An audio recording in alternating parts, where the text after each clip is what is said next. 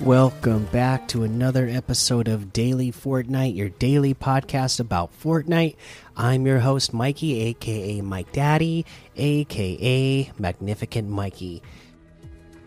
No news today, but they did have this to announce on uh, their social media saying, Together we've raised over 70 million dollars in humanitarian relief funds for Ukraine. Congratulations and thanks everyone and Xbox for joining this effort.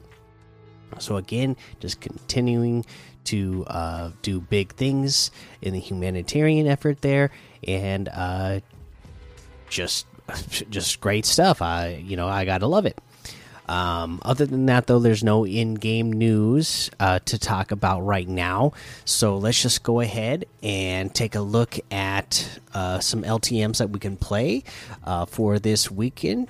Uh, you know, remember that Rocket League Live uh, is still there, so you can check that out and watch and watch Rocket League within Fortnite, which is you know pretty cool.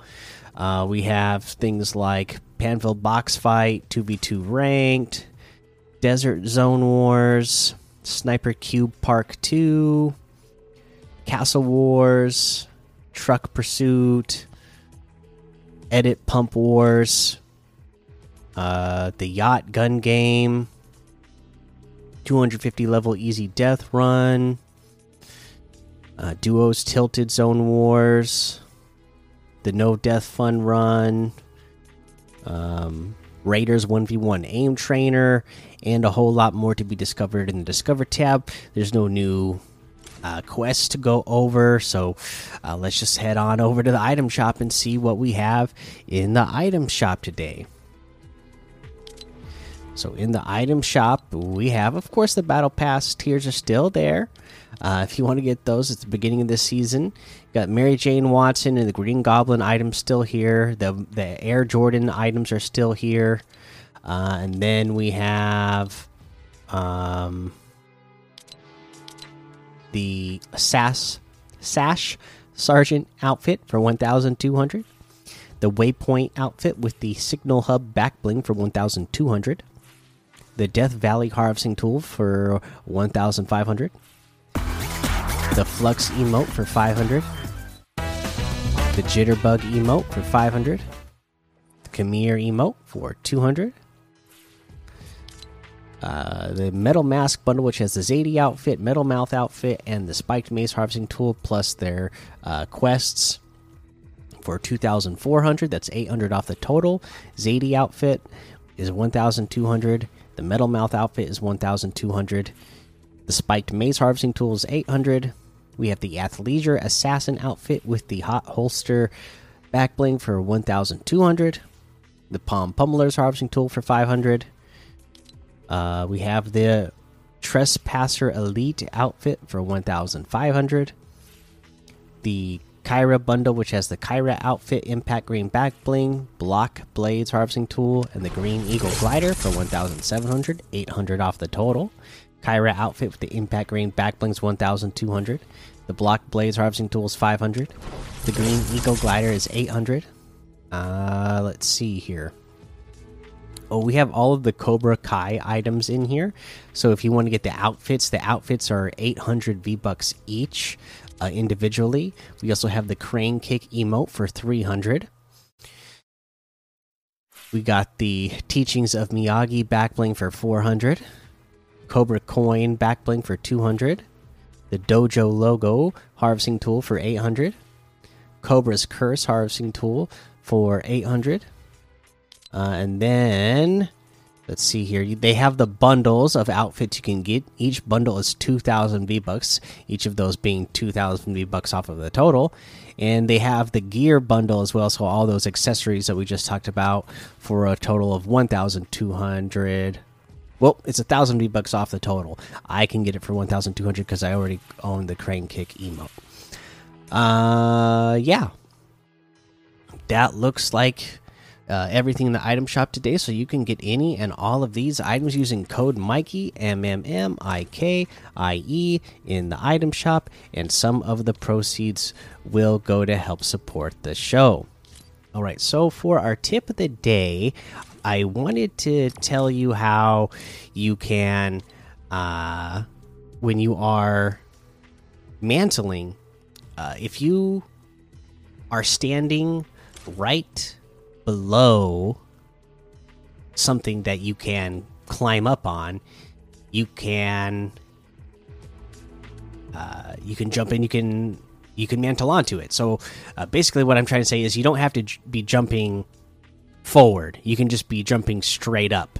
So that works even if you are, say, in a box and you opened up one side of the or you didn't have a wall on one side of the box and you wanted to jump on top of the box without building, you could uh, just go stand on the edge, uh, face in, uh, like as if you were like facing in the box, jump up and press the mantle button, and you'd be able to climb on top.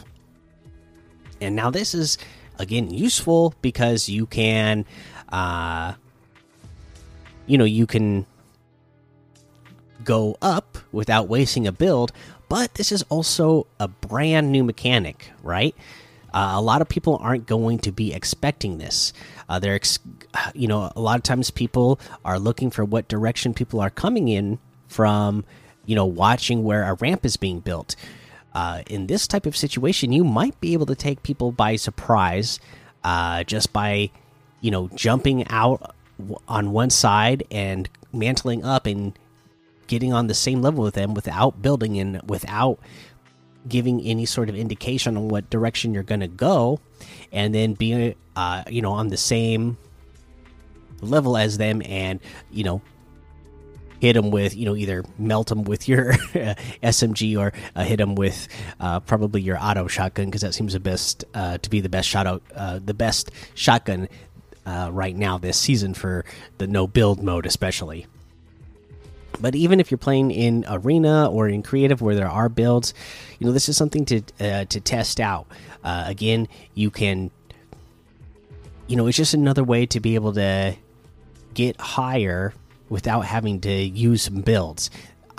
I don't know exactly how this is going to be used by pros yet, but I'm pretty sure the pros are going to figure this kind of stuff out fast and how to be like super fast with this and super tricky with it. But that's one thing I'm already thinking of is uh, using it to get up uh, a level without indicating exactly which way you're coming from. So hopefully, you know, best case scenario, they're looking one direction, you jump out on the box and climb up on the other side and and you just have a easy target, shoot them in the back when they while they can't even defend themselves because they're facing the wrong way. That type of thing.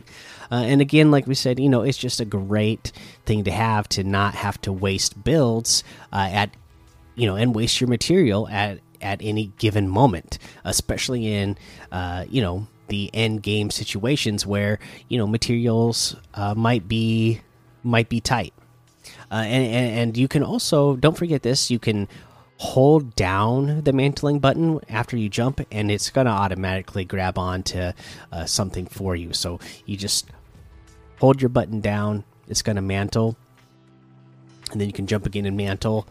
Uh, it's so you'll be able to climb up things pretty quick. Like uh, I tested this out.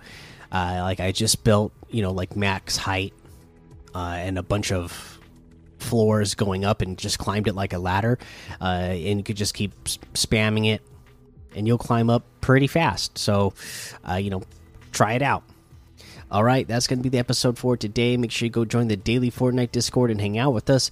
Follow me over on Twitch, Twitter, and YouTube. Head over to Apple Podcasts, leave a five star rating and a written review for a shout out on the show. Make sure you subscribe so you don't miss an episode. And until next time, have fun, be safe, and don't get lost in the storm.